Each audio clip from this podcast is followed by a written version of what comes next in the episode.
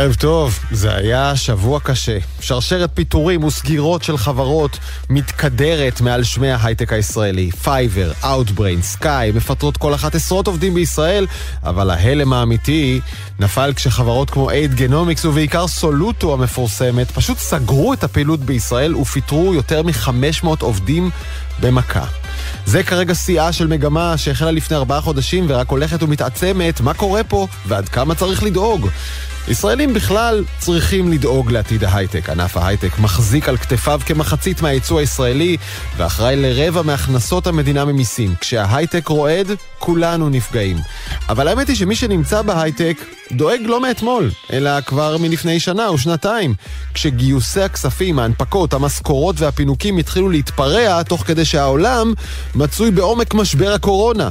כבר אז הבנו שמשהו כאן מאבד פרופורציות. בקיץ, לפני שנה, חגגנו עדר של יוניקורנים ישראלים, חברות סטארט-אפ בשווי של מיליארד דולר ומעלה כל אחת, רבות מהן גם הונפקו בבורסה. וכבר אז לא מעט הסתייגויות נרשמו. החגיגה הזו הייתה לא רק ישראלית, ראינו אותה בבורסות בארצות הברית ובעולם, ולהרבה אנשים היה ברור שמה שעולה כל כך הרבה וכל כך מהר, גם ירד באותה עוצמה. אז זה מה שקורה עכשיו. בשנתיים האחרונות נופחה בועה, ועכשיו האוויר הזה יוצא.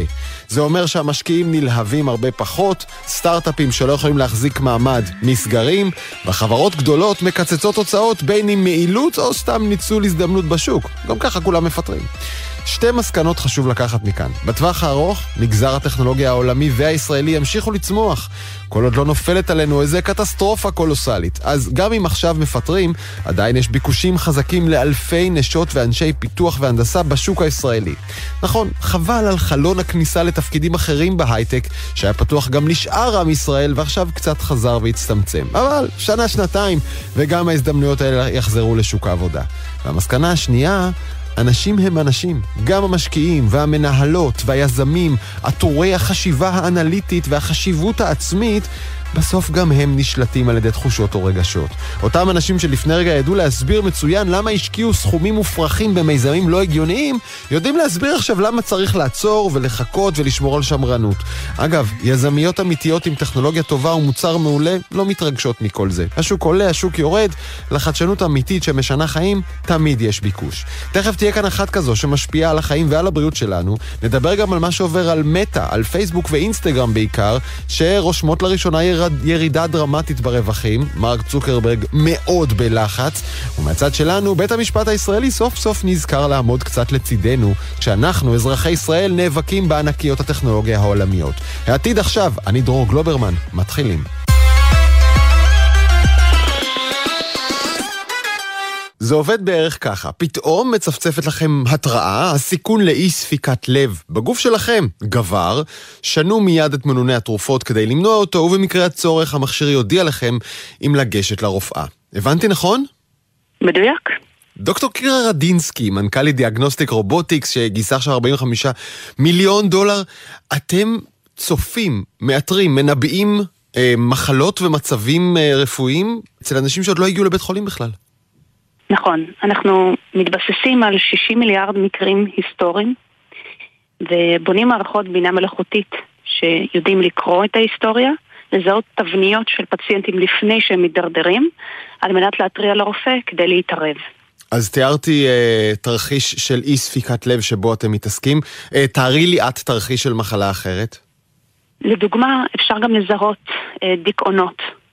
המערכת יכולה לזהות שהפציינט פונה לרופאים שונים, כל פעם בתלונות שונות, וזה מעיד לפעמים על התחלה של דיכאון ראשוני. במיוחד עבור פציינטים כרוניים, אם הם בדיכאון הם לא לוקחים תרופות, ומכאן ההידרדרות ברורה. וזה רגע שבו אני מניח עבור המערכת הרפואית הסטנדרטית, הסיטואציה נורא מורכבת, כי הבן אדם פונה בתלונות שונות לרופאים שונים, לא בהכרח יש לכל הרופאים האלה את התמונה המלאה, כל אחד חושב שהוא היחיד, ואף אחד לא מבין ש, שהסיפור הוא לא הכאב בגוף. בדיוק. תוסיף לזה שתוך שמונה שנים כבר לארבע מיליארד אנשים לא תהיה גישה לרפואת משפחה, אז אם בארץ היום רופא משפחה אחראי על אלפיים איש בממוצע, בארצות הברית אנחנו כבר מדברים על חמשת אלפים. כלומר, רופא לא מסוגל לעקוב אחרי כל הפציינטים שלו עם אוכלוסייה גדלה ומזדקנת. כן. אילו עוד מחלות או מחושים אתם מסוגלים אה, לנבא ולנטר מראש?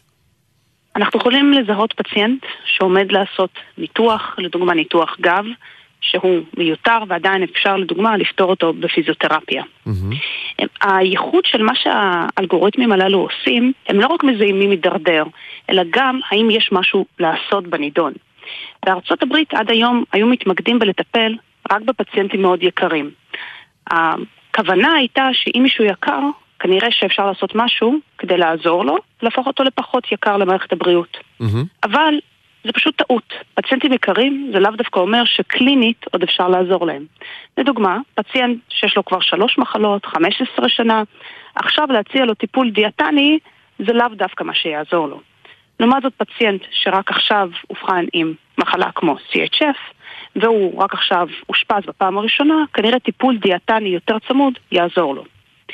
בהתחשב בעובדה שאין לנו אינסוף משאבים במערכת הבריאות, המטרה היא בהינתן המשאבים, שזה גם רופאים, גם בדיקות, גם האחיות ובעצם כל הצוות, על מי הם צריכים להתמקד כדי לעזור לו בצורה וואו. הכי מיטבית. כלומר, השאלה הרפואית הולכת, הטכנולוגית והרפואית הולכת כבר ומתפתחת לתוך שאלה מוסרית של בחירה למי לתת את המשאבים. אולי תכף ניגע בזה, אבל שנייה קודם, אה, במעוף על דיאגנוסטיק רובוטיקס, החברה שאת אה, מובילה, אולי מאזיננו שמים לב שאנחנו מדברים על דברים שנשמעים עתידיים, אבל בלשון הווה. אלה לא דברים שיקרו בעתיד, הם כבר קורים היום, אלה שירותים שאתם מספקים היום. אנחנו היום מטפלים ב-28 מיליון פציינטים ברמה חודשית, בעיקר בארצות הברית, אה, אך גם בארץ בקופות שונות אה, כמו לאומית. המערכות שלנו הן גם פרואקטיביות, בעצם מנסות לזהות לפני שפציינט מדרדר, אבל גם כשלפציינט כבר יש בעיה, הן עוזרות לנווט אותו, תוך כדי מה שאמרת קודם, ניצול משאבים בצורה נכונה, מה שנקרא בשפה הרפואית טריאז'. טריאז', זה הרגע שבו ממיינים את החולה ומחליטים, את המטופל ומחליטים איזה, לאן להפנות אותו ואילו תהליכים? פעם טריאז' היה לדוגמה בשדה הקרב. היו המון פצועים והיה מעט רופאים ופרמדיקים, והשאלה הייתה במי אפשר עכשיו לטפל כדי להציל יותר חיים. כן. היום אנחנו לוקחים את המושג הזה גם לרפואה ראשונית. אנחנו מבינים שהמשאבים נהיים יותר ויותר דלים, אנחנו צריכים גם לעשות טריאז' בדברים משמעותית יותר ראשוניים. כן. תני לי דוגמה אם את יכולה לגבי התהליך הטכנולוגי, כלומר, את הולכת לנבא מה יקרה עכשיו למטופל ולהמליץ לו על טיפול, כן לגשת לרופא, לא לגשת לרופא, מה דחוף, מה לא דחוף, איך, איך בעצם את יודעת? אז המערכות האלה לא מקוונות לחולה אלא יותר למערכת הרפואית, על מנת גם לייעל אותה ולנסות לזהות את הפציינטים האלה, את החולים האלה, בזמן. אמ, איך עושים את זה? תאר לך שאם היה לי רופא לכל חולה פה בארץ, אז הוא יהיה יכול לזהות האם יש איזושהי הידרדרות ולהציע איזושהי הכוונה. Mm-hmm. לדוגמה, אתה חייב ללכת עכשיו למומחה, אני מבקש ממך לעשות את הבדיקה הזאת. בוא תנסה עכשיו פיזיותרפיה, הנה טיפול פסיכולוגי שאנחנו מציעים לך, אפילו בחינם, כי אנחנו יודעים שבהמשך זה יביא ערך למערכת כולה. אבל לצערנו אנחנו לא יכולים להצמיד רופא משפחה לכל אחד, mm-hmm. כי יש המון עומס. ולכן אנחנו בונים אלגוריתמים של בינה מלאכותית, שיודעים להסתכל מה רופאים עשו בעבר ולנסות לחקות אותם. בהתבסס על סדר גודל של 60 מיליארד מקרים שהאלגוריתמים האלה ראו בעבר. ומה המודל שלפיו אתם מתוגמלים? מהיכן באות ההכנסות של דיאגנוסטיק רובוטיקס? בארצות הברית אנחנו עובדים עם מה שדומה לקופות חולים אצלנו בארץ. בעצם, אנחנו, אם עזרנו למישהו לא להיות חולה, mm-hmm. כלומר הוא נהיה בריא, אז נחסך כסף למערכת הבריאות. ואנחנו מתוגמלים לפי כמות האנשים שגרמנו להם להיות בריאים, ובכך נחסך הכסף, ואנחנו מתוגמלים בהתאם. כלומר, אם חסכת, אה, אני ממציא, חסכת ניתוח שעלותו 30 אלף דולר, אז את מגלגלת לכיס החברה 3,000 דולר מתוך זה? מתוך החיסכון? דומה למודל, רק שים לב, רק לחסוך לכולם ניתוחים, הם בהמשך יידרדרו. כלומר, אם הניתוח דרוש, בסופו של דבר, זה לא חיסכון רצוי, כן. לכן אנחנו מסתכלים באמת על חסכונות לטווחים מאוד ארוכים. כלומר, עדיין תמיד שווה לי שמישהו יבריא מהסכרת שלו, מאשר למנוע טיפול אה, לוקאלי. כן. אגב, אה, מהזווית של הלקוח, המטופל, הוא צריך להסתובב עכשיו עם איזה מכשיר, עם איזה משהו שמנטר את הפעילות שלו, בדיקת דם כל יומיים?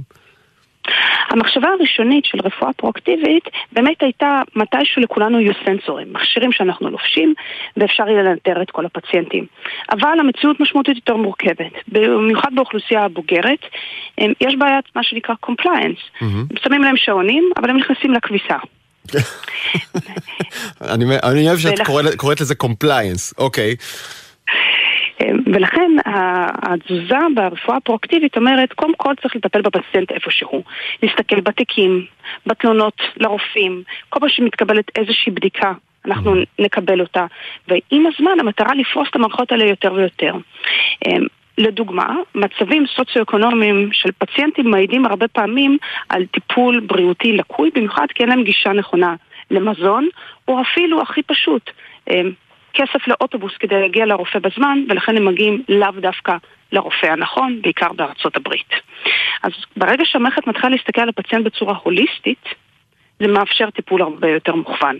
כן, האמת שהזכרת נקודה מאוד מעניינת. אני אישית נגיד דוחה עכשיו כבר איזה בדיקה מרגיזה. דוחה אותה כבר כמה שבועות או חודשים. יש הרבה אה, מטופלים שרושמים להם תרופות, אבל הם אה, לאט לאט מפסיקים לקחת, משכחון או עצלות או התנגדות לטיפול. גם את זה את רואה? כן, בטח. כל פעם שנקנית תרופה, מוצע, מוצעת חשבונית. החשבונית הללו מגיעות לקופות חולים או לחברות ביטוח בריאות אה, בארצות הברית, והם יכולים לראות האם הפציינט מטפל בעצמו mm-hmm. או לא, ואז אחות יוצרת קשר ומתחילה בעצם לחנך את הפציינט לדברים הללו, לעזור לו לבנות שגרה ולהסביר את החשיבות.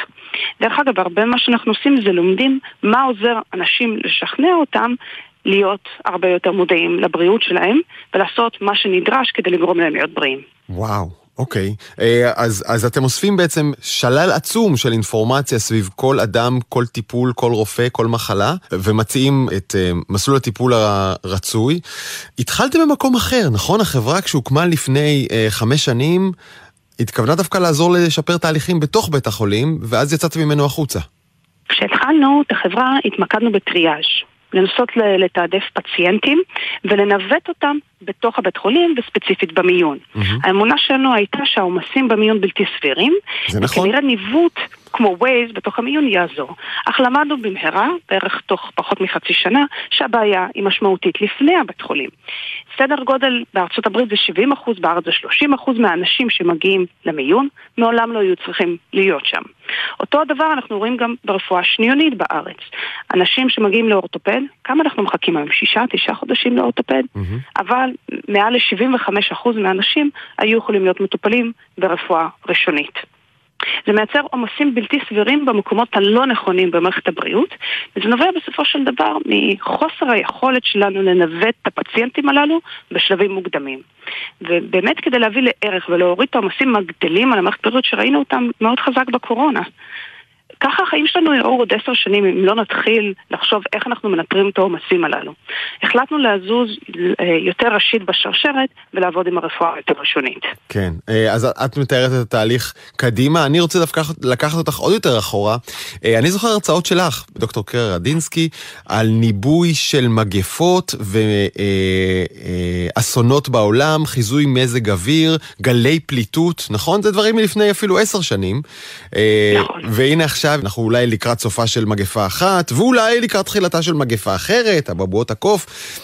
אתם עדיין עוסקים בלנבא היכן תצוץ המגפה הבאה? אז דיאגנוסטיק רובוטיקס לא מתעסקת בחיזוי מגפות, אך אני מעורבת בדברים האלה בצורה אקדמית. אוקיי. Okay. אמ, יש הרבה מאוד דמיון, גם בזמן מגפה, ליכולת לעשות טריאז' וניווט פציינטים. לדוגמה בקורונה, בשלבים מאוד מוקדמים של המחלה, לא ידענו כלום. מה מאפיין את המחלה? שמענו חום, שיעול. ובארץ היה, הייתה בעיית משאבים, לא היו מספיק בדיקות PCR. ולכן הדבר הראשון שפיקוד העורף ומשרד הבריאות עבדו עליו הוא בהינתן כמות הבדיקות שיש לנו עכשיו, למי כדאי לתת את הבדיקה כדי למנוע את התפשטות המגפה. וזה באמת משהו שדיאגנוסטיק רובוטיקס היו מאוד מעורבים בו. נשלחו שאלונים, 25% מהאנשים בארץ הסכימו לענות על שאלונים שמתארים את התחושה שלהם, את הסימפטומים שלהם. האם יש להם חום, האם יש להם שיעול, וזיהינו תוך שלושה ימים שאיבוד תחושת טעם וריח מאוד מאפיין את המחלה. Mm-hmm. צריך לזכור שזה היה בתחילת אפריל ב-2020, כשזו הייתה שמועה על חמישה פציינטים מאיטליה שאולי איבדו טעם וריח, זו הייתה אנקדוטה. בארץ, לעומת זאת, אחרי הזיהוי הזה, הכניסו את זה לפרוטוקול הלאומי. בתוך חמישה ימים כל המדינה בארץ הייתה עושה טריאז' עם שאלות האם איבוד תחושת טעם וריח, באמת מאפיין את המחלה ומנווטת פציינטים. היינו צופים גם איזה פציינטים יידרדרו וצריכים ללכת לבית חולים, ואלו מספיק שהם יהיו במלוניות. וזה לדעתי מאוד חשוב בהתחלות של מגפות שאנחנו לא יודעים, אבל מהר מאוד צריכים להתרגל למציאות החדשה. כן, חדי האוזן שבין מאזיננו שמו לב שהזכרתי בתחילת שיחתנו שגייסתם עכשיו 45 מיליון דולר. דוקטור רדינסקי, מי מגייס עכשיו כסף? אף אחד לא מגייס כלום. אמ, לא יכולה להגיד שזה היה טריוויאלי. אמ, גיוס בזמן... זה understatement המאה. אה, כן, בשוק דובי זה קשה. כן, שוק דובי זה אומר שוק אה, יורד, שוק של מיתון שהמשקיעים אה, מבוהלים בו. איך הצלחתם לשכנע משקיעים ועוד די מכובדים לתת לכם את כספם כשהם מפחדים על כל צעד ושעל? החברה שלנו, למזלנו, בשלב שהתחלנו לגייס, שזה היה כבר השנה עם נפילת השוק, היו לנו כבר רווחים משמעותיים והיה לנו מסלול ברור לאיך אנחנו מגיעים לרווחיות. אמ, בשלבים אה, כאלו, כאשר לא ברור מה קורה עם רוב החברות, מערכת הבריאות הטרנד מאוד ברור. ימשיכו העומסים וכולם עכשיו נכנסים למצב שהם רוצים להתחיל לחסוך כדי לשרוד את התקופה הזאת. למזלנו נכנסנו לטרנד, אנחנו עוזרים למערכות בריאות לגרום לפציינטים להיות בריאים ולכן לחסוך, והדבר התבטא ברווחים. אמ, אולי זה היה מזל, אולי זה להיות במקום הנכון בזמן הנכון, אמ, אבל במקרה שלנו הסתדרו הכוכבים. הסתדרו הכוכבים. בסוף זה מזל, כל הסיפור. לא, אבל אם, אם נהיה יותר רציניים, אה, דוקטור רדינסקי, אתם נדמה לי פותחים לנו צוהר לתוך תחום שהולך להיות דרמטי מאוד ברפואה בשנים הבאות, שזה Predictive Health. אה, רפואה מנבאת, נכון? נכון, בין אם לפני שהפציינט חולה ובין כשהוא כבר חולה. זה בסוף מה שאנחנו רוצים, את ההתראה כשעוד אפשר אה, לעשות הרבה דברים, לא כשזה כבר מאוחר מדי. דוקטור קירה רדינסקי, דיאגנוסטיק רובוטיקס, תודה רבה, בהצלחה. תודה רבה לכם.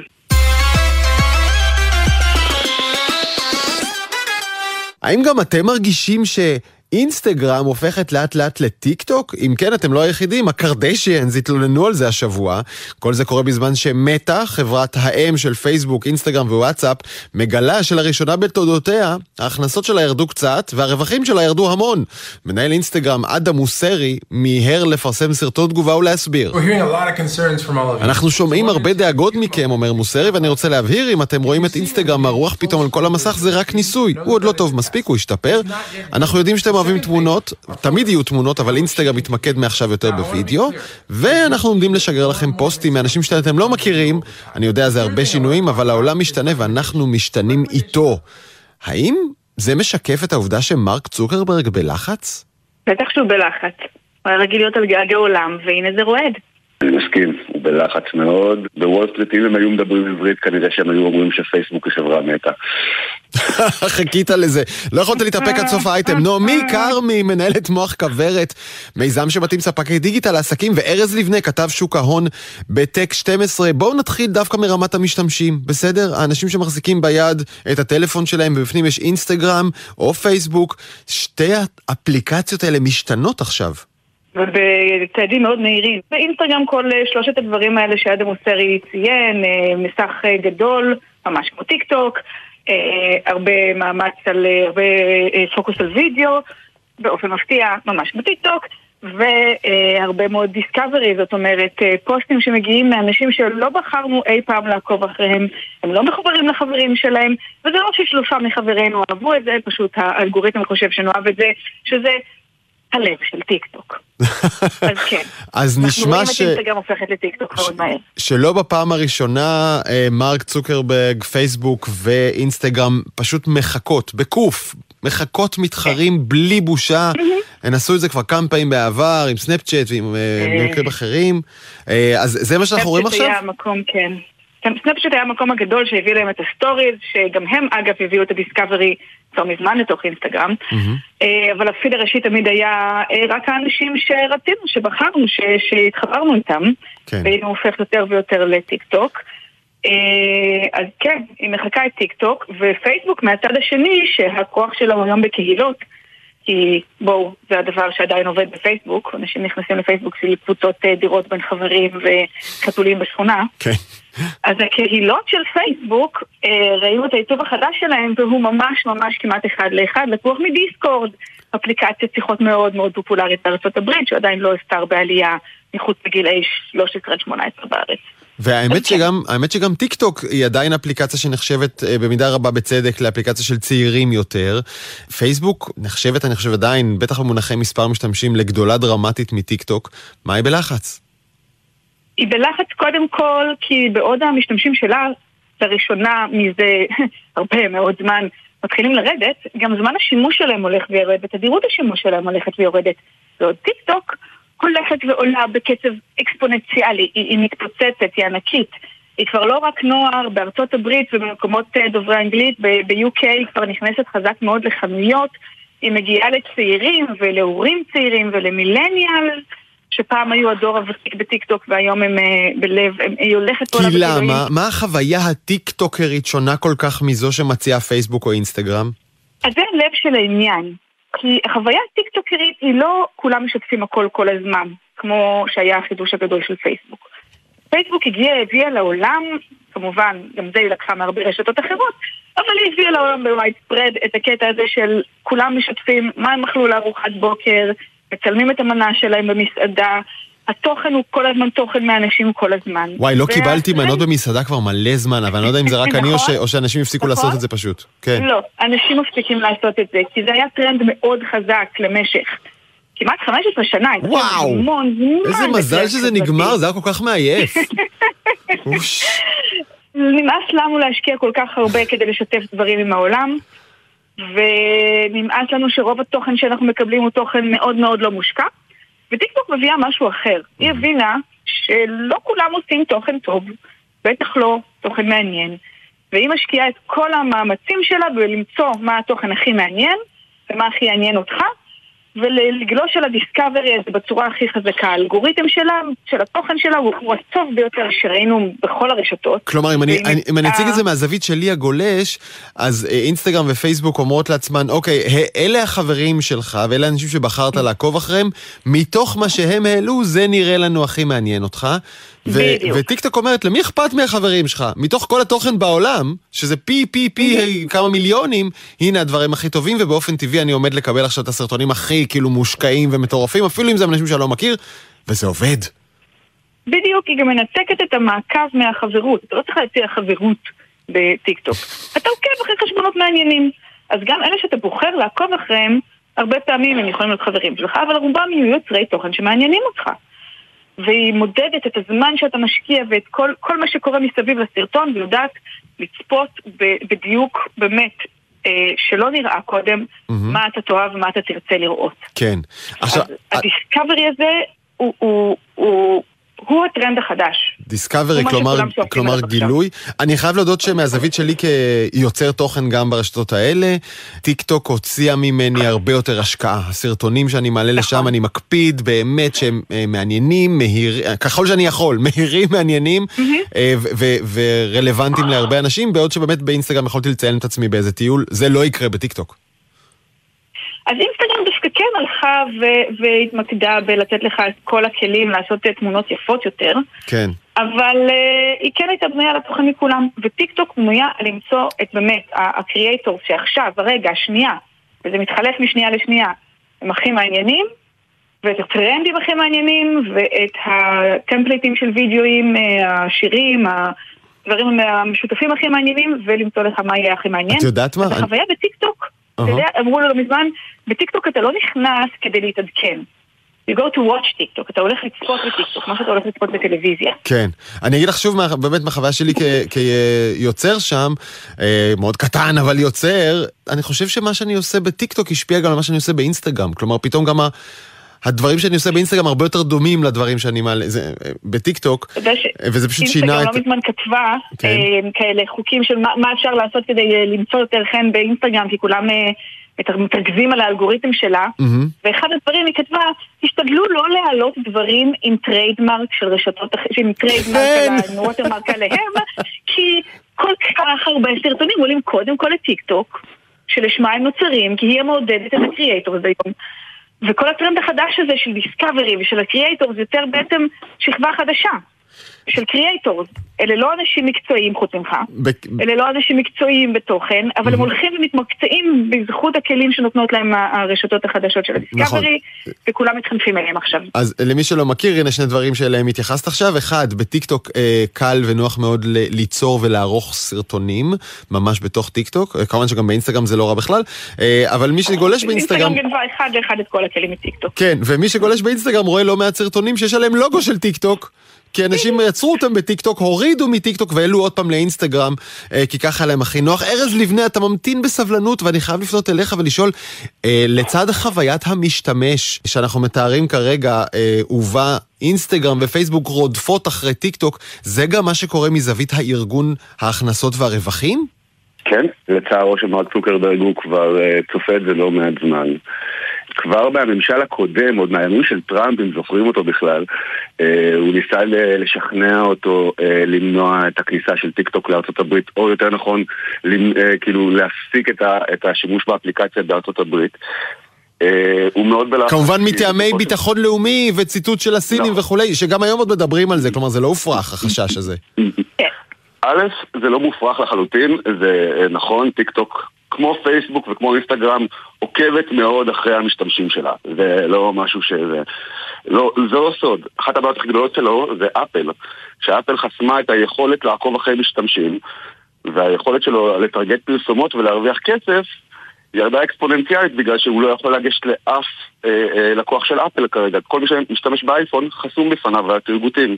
כן, כלומר אז, משתמשי אה, האייפון מקבלים עכשיו פרסומות אה, לא כל כך טובות בפייסבוק, לא כל כך מעניינות והם פשוט לוחצים פחות, אה, וממש רואים את זה בדוחות הכספיים שפייסבוק שחררה הלילה. נכון מאוד.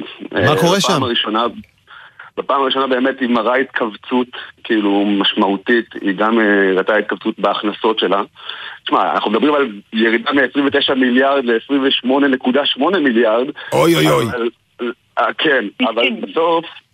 בסוף כשאתה מסתכל על, על חטיבת המטאוורס, שעל שמה הוא קרא את, ה, את כל החברה עכשיו מחדש ועושה לה rebranding, אז uh, המטא, הריאליטי לאבס, מה שאמור לתמוך בזה, הכניס אמנם כמעט 500 מיליון דולר, אבל זה שאב יותר מ-2 מיליארד דולר. אז, כי, אז יש לו בורות של הוצאות שהוא לא מסוגל אה, לכסות אותן כרגע. מהמם. ההכנסות שלו מתכווצות כי הפרסום, הכסף של הפרסום הולך לטיק טוק וליוטיוב. ואין לו, לו, הוא לא יכול בגלל אפל אה, לטרגט אה, אה, אה, משתמשים כמו שצריך. וצריך להודות בעובדה גם שהוא די המאיס את עצמו על רוב האנשים, כאילו פייסבוק בסוף זה גם עניין של סנטימנט ואנשים לא אוהבים את המותג כמו שהם אוהבו אותו פעם כי מרק צוקרברג עזר להחריב את המותג הזה. במו- ידיו. אז רגע, הזכרת שההכנסות של פייסבוק אה, ירדו אמנם במעט, אבל זה בגלל מתחרות חזקות. אגב, זה גם בגלל המיתון, כי נכון, נכון, הכלכלה נכון, החליפה לא, לא. כיוון, ומפרסמים מפרסמים. פחות, אה, ואנשים קונים ספק. פחות, ללא ספק. אה, איך זה התבטא אגב ברווח הנקי של פייסבוק? וואו, הוא ירד... של מטא? הוא ירד בלמעלה מ-30 אחוז, כאילו, זה, זה משמעותי מאוד. וזה גם אמור, זה כסף שאמור לעזור לחברה לצלוח, לצמוח בעתיד. אז כאילו, המכות מגיעות מכל הכיוונים, ונכון, הבעיה הכי גדולה כרגע זה שהוא חושב שהשני רבעונים הקרובים, כלומר, החצי שנה הקרובה הולכת להיות יותר קשה. אז, והמניה נפלה אחרי המסחר בעוד חמישה אחוז, אחרי שהיא כבר איבדה יותר מ-500 מיליארד דולר בשנה, כאילו הגיעה לכמעט טריליון דולר שווי שוק בשיא שלה, ועכשיו זה היה פחות מ-500 מיליארד דולר, אז כאילו... והתחזית, כלומר, השנה רק הולכת להיות יותר ויותר רעה בגלל כל המלחמה באוקראינה, והירידה באירופה, והדולר החזק, ו... מרק צוקרברג יש לו הרבה הרבה מאוד אתגרים לפניו. שמע, ו- יוצאים אה, דיווחים מבתוך אה, פייסבוק, אה, בתוך מטא, אני צריך להתרגל לזה כבר, שצוקרברג באמת בלחץ, הוא משנה, הוא מזיז, הוא מפטר, הוא מחליף תפקידים, אה, עד כדי כך שהוא עומד מול כל עובדי הארגון הענק הזה ואומר להם, יש פה המון אנשים שלא צריכים להיות כאן, מי שלא מתאים לו, שיקום וילך הביתה. וכולכם אה, תצטרכו לעבוד יותר מהר ויותר קשה. בשנה האחרונה מצבת כוח ש- האדם שלו גדלה ב-24 אלף בני אדם בערך, משהו בסגנון כן. הזה, אז כאילו... אז הוא רוצה, היה עכשיו דיווח בביזנס אינסיידר שעשרה אחוז מהעובדים כנראה הולכים הביתה. וואו. נעמי, אה, התחלת לומר משהו? שמטה גם ככה במקור היא אחד המקומות שיותר קשה להתקבל אליהם. תהליך הקבלה שלהם מטורף.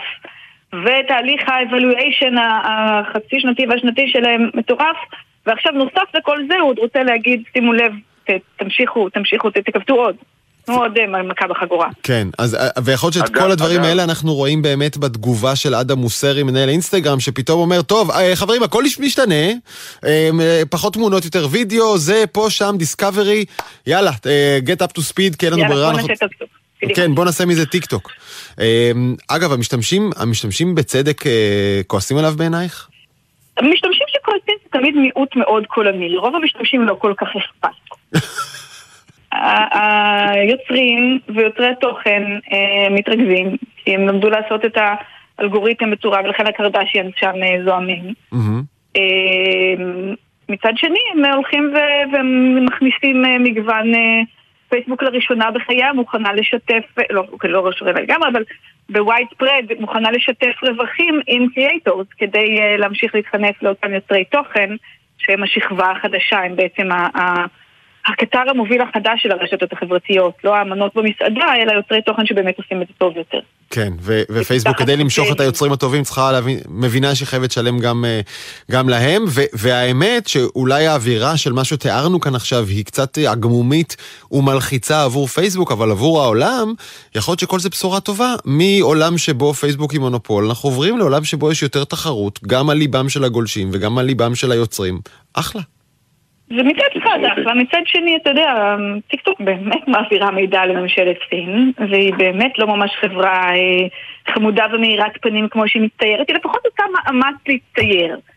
כן. עושה מאמץ לסנן את התכנים קצת יותר מפייסבוק ואינסטגרם, אבל אה, גם היא חברה קפיטליסטית אה, דורסנית גדולה ומסיבית. אני אסתכל על זה מהזווית של הגולש, בואו נזכור כולנו שכשאנחנו גולשי, גוללים בין הפוסטים והסרטונים, בסוף המטרה שלהם אה, זה לעורר אצלנו יותר עניין, שזה אומר יותר דופמין במוח, וכל זה תהליך ממכר שגורם לנו לבזבז יותר זמן ממה שתכננו. עדיף לשים את זה בצד לפעמים וללכת אה, להיות עם הילדים או לקרוא ספר או משהו. נעמי כרמי, ארז לבנה, תודה רבה לשניכם. תודה רבה. ועכשיו לחדשה שהיא אולי לא הכי מרעישה לשולחן של מרק צוקרברג, אבל היא מאוד מרעישה מבחינתנו הישראלים. בית המשפט העליון פסק השבוע שענקיות הטכנולוגיה לא יוכלו להתנער מהדין הישראלי כשהן פועלות כאן מולנו הישראלים, ולא יוכלו לדרוש יותר מאיתנו לתבוע אותן רק בקליפורניה או רק לפי הדין של קליפורניה, אלא נוכל לתבוע אותן ולדרוש לידיהן ממש כאן לפי הדין הישראלי. אגב, איך זה בכלל התאפשר עד עכשיו? מה שקרה זה שפייסבוק, אה, גוגל וכל הגופים הגדולים האלו כותבים תקנונים שכל מטרתם זה להכשיל אותנו ולמנוע מאיתנו לעמוד על הזכויות שלנו. כי אם אנחנו נתחיל לעמוד על הזכויות שלנו, אז הם יהיו בבעיה, הם יצטרכו, יצטרכו לקיים את החוק וזה לא משהו שהם רוצים לעשות. עורך דין גיא אופיר, אתה מתמחה בתביעות נגד תאגידים רב-לאומיים, כמו אלה שציינת, ועוד אחרים. אה, אז עד כה בתקנונים האלה היה כתוב, אם אתה רוצה לתבוע את אה, מטא, את פייסבוק, את גוגל, אתה צריך לבוא אלינו, לבית המשפט שלנו בקליפורניה, וגם על זה כבר בית המשפט ערער לפני כמה שנים. נכון. אז יש לנו, היה לנו את הלכת בן חמו, שבית המשפט העליון אומר שבתביעה ייצוגית של 400 מיליון דולר, אי אפשר להגיד לתובע, סע לקליפורניה, תנהל את התביעה הזאת שם, אלא זה יתנהל בישראל. אבל, מה אומר בית המשפט העליון, וזה עשה נזק לכל הציבור הישראלי? צריך לנהל את זה לפי הדין בקליפורניה. כי זה לא מקפח. זה לא סעיף מקפח. זה, רגע, זה היה דבר נורא נורא מוזר. אם אני הייתי תובע עד אתמול את גוגל על uh, הפרת הפרטיות שלי או על שימוש לא חוקי במידע שלי או לא יודע מה, אז המשפט היה מתנהל בבית, ה... בבית המשפט בפתח תקווה, אבל לפי החוקים בקליפורניה, השופט הישראלי מכיר את החוקים בקליפורניה? אה, יפה. אה, פרטיות זה קצת בעייתי כי זה מחוץ להסכם שיש לך עם אה, פייסבוק מהמם. וזה עילת תביעה נזיקית אז שם אולי אתה יכול לברוח מהדין הזר אבל נניח למשל ולקיים לפי הדין הישראלי, הפרופיל, כן, נניח- דרור גלוברמן כתב בפייסבוק שלו שמרק צוקרברג שולט בעולם ופייסבוק התעצבנה סגרה לדרור גלוברמן את הפרופיל אוקיי. ודרור מגיש תביעה אז פייסבוק אמרה לו עד לאתמול אדוני הגשת תביעה תנהל את זה לפי הדין בקליפורניה ואז אתה בתביעה של ה-100-200 אלף שקל שלך צריך גם לשלם אגרת בית משפט, גם לשלם לעורך דין, וגם להביא מומחה לדין האמריקאי, שב-20 אלף שקל, שיכתוב לך חוות דעת שהתביעה שלך היא מוצדקת לפי הדין האמריקאי, פייסבוק תגיש חוות דעת מטעמה שתגיד שלא, בית המשפט ימנה מומחה נוסף, וכל זה אתה תישא בעלויות שלפייסבוק לא אכפת להם לעשות בעלויות האלו, אבל אתה מן הסתם לא יכול לשפוך 100 אלף שקל אה, הוצאות על התיק. וזה מה שחסם אנשים. זהו, רגע, רגע, כל זה חשוב, כל מה שאמרת עכשיו חשוב למה? לא בגלל מה שבאמת קורה, אלא בגלל מה שלא קורה. כי רוב האנשים הסבירים, גם אם נעשה להם נזק לשיטתם, כשהם רואים את התהליך שעכשיו פירטת, מצטננת להם כל ההתלהבות, ואומרים, טוב, טוב, טוב, עזוב אותי, לא תובע ולא נעליים, על זה הם בונים ענקיות הטכנולוגיה. בהחלט, זה מלחמת התשה, כלומר המדיניות שלהם היא כך, אנחנו, אין לנו שירות לקוחות, אין טלפון, אין עם מי לדבר אצלנו, אתה רוצה משהו, תפנה לבית המשפט, ואז בבית המשפט אנחנו נעשה לך את המוות עד שתצא תצא לך הנשמה, ואז המעטים, מעטים, מעטים שישארו, איתם נתמודד או נגיע איתם לפשרה. כן. זה הייתה המדיניות שלהם, וזה גם היום. המדיניות שלהם זה אומנם שטני, אבל זה עובד מעולה מבחינה כלכלית. כן. אה, כי אתה יודע מה זה להחזיק שירות לקוחות לשני מיליארד משתמשים? זה הרבה כסף. אז אין שירות לקוחות לפייסבוק. בכל מקרה, מה שקרה זה ככה, זה, ביניכם אומר בית המשפט העליון, זה כן יתנהל בישראל, אבל זה יהיה לפי הדין האמריקאי. מה קרה בפסק דין טרוי של ליאת ורצייזר, ואני משבח אותה, נלחמה ש- לבית המשפט העליון. שפורסם השבוע? כן, פסק דין טרוי, היא ייצגה אותם. היא הגיעה לבית משפט שלום בהרצליה בתביעה של 700 אלף שקל. על מה הייתה התביעה? סגרו לאיזה בית עסק את הפרופיל, עשו לו נזקים שם, אהה. משהו שקשור לפרופיל שלו ולחשבון פרסום. כן, אבל רק, רק נגיד, לשופט- רגע, רגע, זה לא, זה לא משתמש שרק גולש וצורך אה, פוסטים בפייסבוק, אלא בית עסק שמפרסם שם, ומבחינתו כן, זה ספק שלו. בתי כן, אבל בתי העסק הם לא איזה עסק גדול שהפרוטה שם מצויה ואין להם בעיה להוציא 200 אלף שקל על לנהל תביעה. אוקיי, אז היא נעשה להם נזק. השופט- כן, השופט גלעד הס אומר לה, הלכת ביניכם או חלה גם על תביעה של עסקים, ואתם צריכים להגיש חוות דעת לפי הדין האמריקאי. היא אומרת לו, לא, לא נכון. מה זה הדבר הזה? זה, זה פגיעה בזכות הגישה שלנו לערכאות. הוא אומר, לא, זה החלטה שלי. עולה בערעור לבית המשפט המחוזי, שם כבוד השופטת אביגיל כהן, לצערנו הרב, מאשרת את פסק הדין של גלעד אס. וכתוצאה מהפסיקה הזאתי, הנזק הוא בכל התיקים. אני גם, שלא הופעתי בתיק של טרוי, ניזוק בהרבה מאוד תיקים שאני מנהל בשם הלקוחות שלי, כי פתאום כל הלקוחות שלי נדרשים, אפילו בתביעות של 200 אלף שקל, נדרשים על ידי פייסבוק להגיש חוות דעת לפי הדין האמריקאי, מה שמייקר להם דרמטית את ההליכים. ואנחנו נלחמים בזה.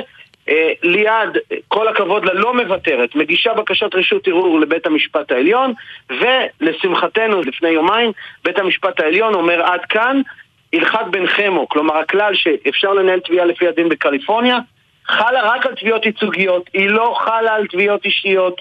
כי מה אומר בית המשפט העליון? אם אתה מגיש תביעה על 400 מיליון דולר, זה לא נורא שתגיש חוות דעת לפי הדין האמריקאי, אבל אם אתה מגיש תביעה על 200 אלף שקל, 700 אלף שקל, מיליון שקל, זה לא אה, מתקבל על הדעת שאתה תידרש להשקיע משאבים כאלו אדירים כדי להוכיח שיש לך תביעה לפי הדין בקליפורניה. עכשיו זה בכלל מוזר, למה? צריכים להבין מה קורה במדינת ישראל. אני מגיש תביעות נגד פייסבוק, גוגל, אמזון וכדומה. טוויטר. אני יושב, אני יושב, טוויטר, אני יושב מול שופט ישראלי ואני מנהל את התיק לפי הדין בקליפורניה, שלא הוא מכיר את הדין בקליפורניה, לא אני מכיר את הדין בקליפורניה, ולא עורך דין של גוגל או פייסבוק או טוויטר או אמזון יודעים את הדין בקליפורניה. וזה הזיה הדבר הזה. אתה יודע, רגע, רגע, זה- עוד יותר? הזיה, שנייה, זה עוד יותר הזיה אם נזכור שמדובר בעסק ישראלי שקנה פרסומות בעברית כדי להציג אותן בפני גולשים ישראלים שיקנו המוצרים שלו כאן בארץ, וכל זה נידון בבית משפט ישראלי. מה קשר דין קליפורניה? אין שום קשר, ואני אגיד לך יותר מזה, זה פשוט שערורייה מה שקורה פה, למה? יש לנו פה חברות ענק שגוזלות מהפרנסה של עסקים ישראלים. גם הרדיו מאבד פרסום, בגלל שבא לפה פייסבוק וגוגל, ומוכרת פה שירותי פרסום. אתם ברדיו צריכים להתנהל לפי הדין הישראלי, לשלם מע"מ, לשלם מס הכנסה, והם לא משלמים מע"מ, לא משלמים מס הכנסה, אתה רוצה לתבוע? לך בוא תנהל את זה לפי הדין במיקרונזיה. אז אה, זה הסיטואציה ההזויה שהייתה, ואני שמח שגם ליאת ורצייזר, כל הכבוד לה, אני משבח אותה וממשיך לשבח אותה, נלחמה עד לבית המשפט העליון. שמע, אני חושב אה, שזה יורד ממש להגדרת הריבונות הישראלית והמשילות וכל המילים האלה. אם מדינת ישראל אה, על אה, מוסדותיה ורשויות השלטון שלה אחראית על מה שקורה במרחב הישראלי, אז להלן, הנה דבר שקורה במרחב הישראלי, קחו, תשפטו ותנהלו אותו. בהחלט. וגם מי שמרוויח מיליארד שקל בשוק הישראלי, זה לא נורא אם הוא יתנהל לפי הדין הישראלי. חד משמעית. אז מה, מה זה אומר עכשיו מבחינתי אם נעשה לי עוול? תשמע, פונים אליי באמת ברמה האישית, לא יודע, עשרות אנשים בחודש עם סיפורים קורעי לב שנסגר להם הפייסבוק, נסגר, פרצו להם לאינסטגרם, אין עם מי לדבר, כמו שאמרת, זה עסקים. לא רק משתמשים, עסקים שהם מפרסמים אה, וכולי, וזה אז שלהם, ולי אין מה לעשות, אין לי איך לעזור להם. אני אתן פתרון לאזרח הקטן ואני אתן פתרון גם לאזרח הקצת יותר מקטן. כן. אם אתם עסק או אם אתם אזרח שהוא לא כזה קטן ויש לו את המשאבים והיכולת להעמיד מלחמה וזה להשקיע קצת כסף בעורך דין וכדומה, תיקח עורך דין שעוסק בתחום, יש מה לעשות. ואנחנו גם מנצחים בבתי משפט את פייסבוק ואת גוגל ואת טוויטר וכל מי שיקיש את זה בגוגל יראה את הדברים האלו. מהמם. אם אתה האזרח הקטן בין ה-22 שאין לו כסף וסגרו לו את האינסטגרם, יש בית משפט לתביעות קטנות. אני הגעתי להסדר עם פייסבוק שיש להם כתובת מייל ליצירת קשר ולהמצאת כתבי טענות. אנחנו העם היחידי בעולם שיש לו מייל ליצירת קשר עם פייסבוק, וזה בזכות הסדר שאנחנו הגענו איתם, שקיבל תוקף של פסק דין. משמעות הדברים. רגע, אתה יכול לפרסם את המייל הזה פה? בוודאי, אני כרגע לא זוכר אותו בעל פה, אבל אתם יכולים לשים באתר שלכם, זה נמצא גם אצלי באתר. אם אנשים כרגע רוצים למצוא את המייל הזה, תקישו פשוט אה, כתובת המייל של פייסבוק, גיא אופיר, ואתם תראו את המייל הזה. אני מעלה את זה, אני אשים את זה באינסטגרם ובפייסבוק שלי גם. זה- זה המקום לשים. שאתם- אתם יכולים להגיש אפילו תביעה של 5,000 שקל, תביעות קטנות של 5,000 שקל נגד פייסבוק, אינסטגרם זה פייסבוק חברים, תגישו את התביעה, תמציאו את זה באמצעות המייל, אתם תקבלו מייל אוטומטי שעונה לכם שזאת המצאה כדין, כי זה מה שההסדר שלנו איתם קובע, שמחויבים לעשות. דרך אגב, זה הסדר תקדימי, אין דבר כזה, כן? אבל הצלחנו להגיע להישג אדיר שמאפשר לכולנו להגיש תביעות קטנות נגד פייסבוק. אה, וככה גם מי שהוא האזרח הקטן ואין לו אפשרות לשכור עורך דין, יכול להגיש תביעות ולנהל את הדברים האלו. שוב, אם זה באמת עסק שאתה מתפרנס ממנו, או איזשהו פרופיל עם אה, עשרות או מאות אלפי עוקבים, המלצה שלי תפנה לעורך דין, תעשה את זה מסודר. אבל אם אתה בחור צעיר, בלי יותר מדי, וזה כן. רק הפרופיל הקטן שלך באינסטגרם או בפייסבוק, בשבילך הוא גדול, בשבילך הוא חשוב. רגע, אבל אה, אה, לאן זה מתפתח מכאן? אז עשו לי עוול, הלכתי לבית משפט לתביעות קטנות, ששם אני מייצג את עצמי, מילאתי כתב תביעה, שלחתי אותו במייל, קיבלתי חזרה אישור, קיבלנו את התביעה. מה קורה עכשיו? הם יגישו כתב הגנה והם יתייצבו לדיון. אוקיי, ואז זה אתה, אתה, אתה מול מטא, אתה מול פייסבוק ראש בראש, שיהיה בהצלחה. כן, תתפלא, אנשים פשוטי העם מופיעים בבית המשפט לתביעות קטנות, זו תופעה ייחודית לישראל בעקבות המייל שפרסמנו, ומצליחים גם לנצח את פייסבוק הגדולה. בבית משפט לתביעות קטנות. תקשיב, שכנעת אותי, אני חייב ללכת לראות את ההצגה הזאת. וכמובן, אנחנו רוצים שהכל ייעשה על פי דין, לעתים גם מטא או פייסבוק צודקות, זה ממש בסדר. אה, רק תנו לנו אפשרות אה, לדון בזה אה, בעברית ובדין הישראלי, כי זה החיים שלנו כאן, לא בקליפורניה. עורך דין גיא אופיר. מתמחה בתביעות נגד תאגידים רב-לאומיים, הנה, גם כזה מקצוע כבר יש, מתמחה בתביעות נגד תאגידים רב-לאומיים. תודה רבה לך על זה. תודה רבה לכם.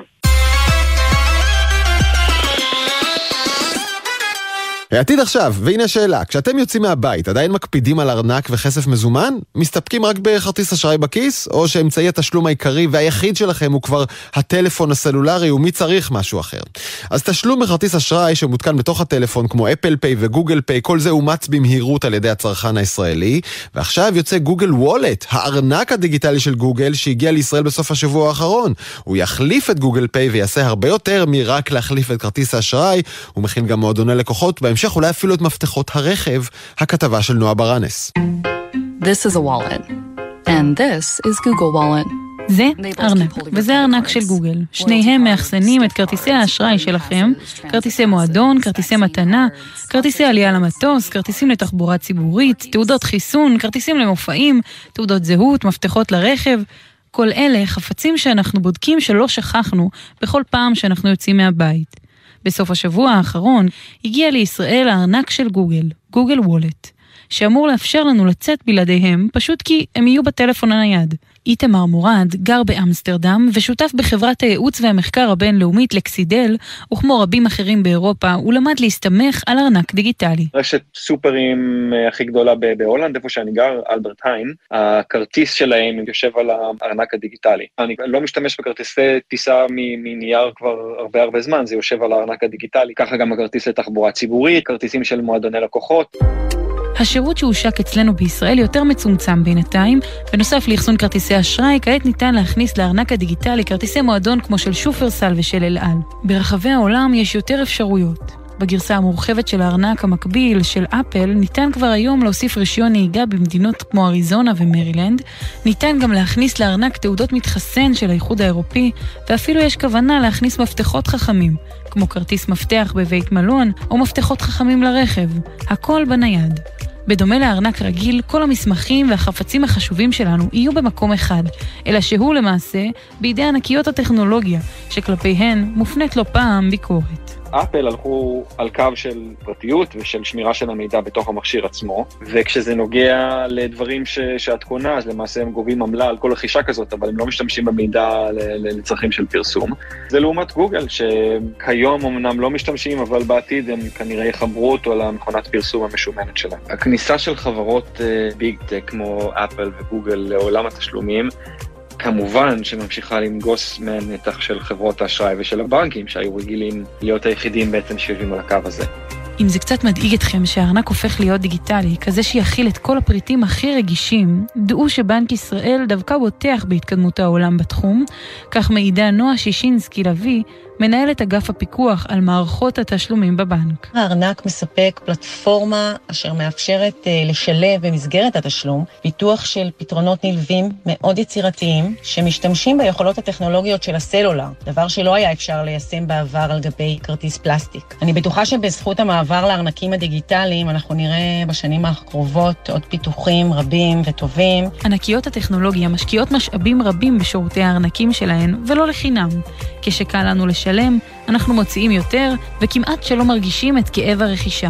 על התופעה הפסיכולוגית מסבירה לנו הדוקטור מורן אופיר, חוקרת קבלת החלטות פיננסיות מבית הספר למשפטים באוניברסיטת רייכמן. תשלומים הם כואבים לנו, ולכן אנחנו חושבים לפני שאנחנו מבצעים אותם, בארנקים דיגיטליים שבהם יש לנו מעט מאוד uh, חיכוך עם התשלום עצמו, אנחנו מניחים פשוט את הטלפון ותוך רגע העסקה מבוצעת. לא רק שאנחנו מוציאים יותר, אנחנו מבצעים יותר רכישות אימפולסיביות, קונים דברים שאנחנו לא בהכרח תכננו לקנות מראש, אנחנו גם פחות נקשרים למה שאנחנו קונים.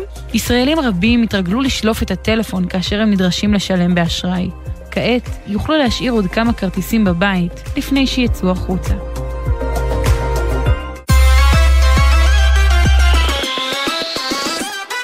לקראת סיום אנחנו עם רמי שני, כתבנו בדרום ומגיש הפודקאסט מה שקורה מחר. מה קורה מחר, רמי?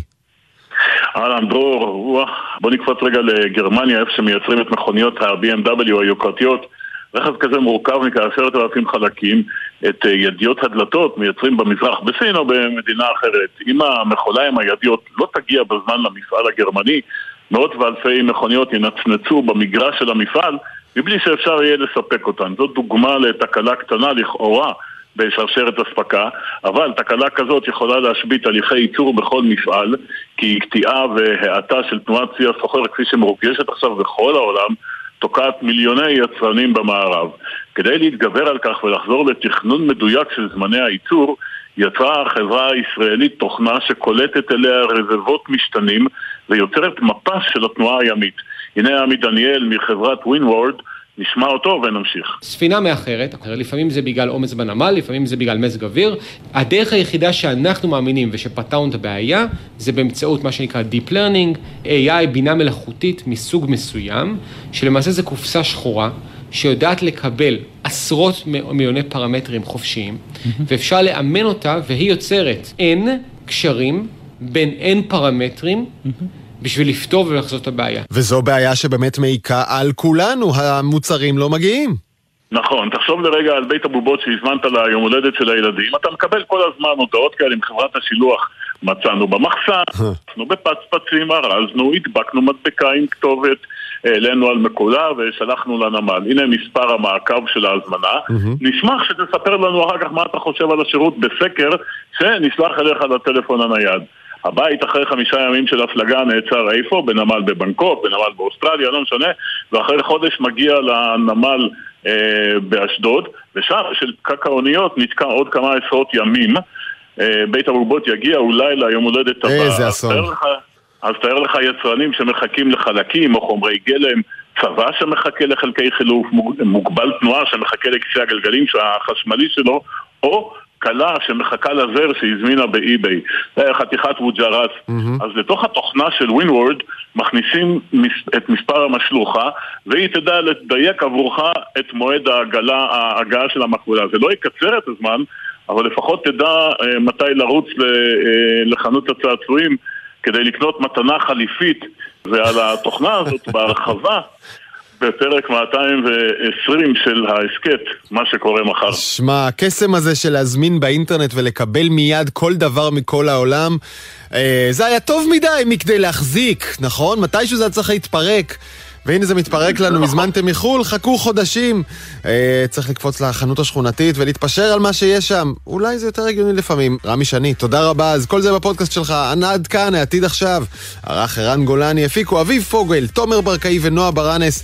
על הביצוע הטכני ניב ירוקר, אני דרור גלוברמן, ואתם מוזמנים לשמוע אותנו מתי שתרצו בכל פלטפורמות הפודקאסטים המקובלות. אני זמין להערות והצעות בדרור גלוברמן בטוויטר. יאללה ביי.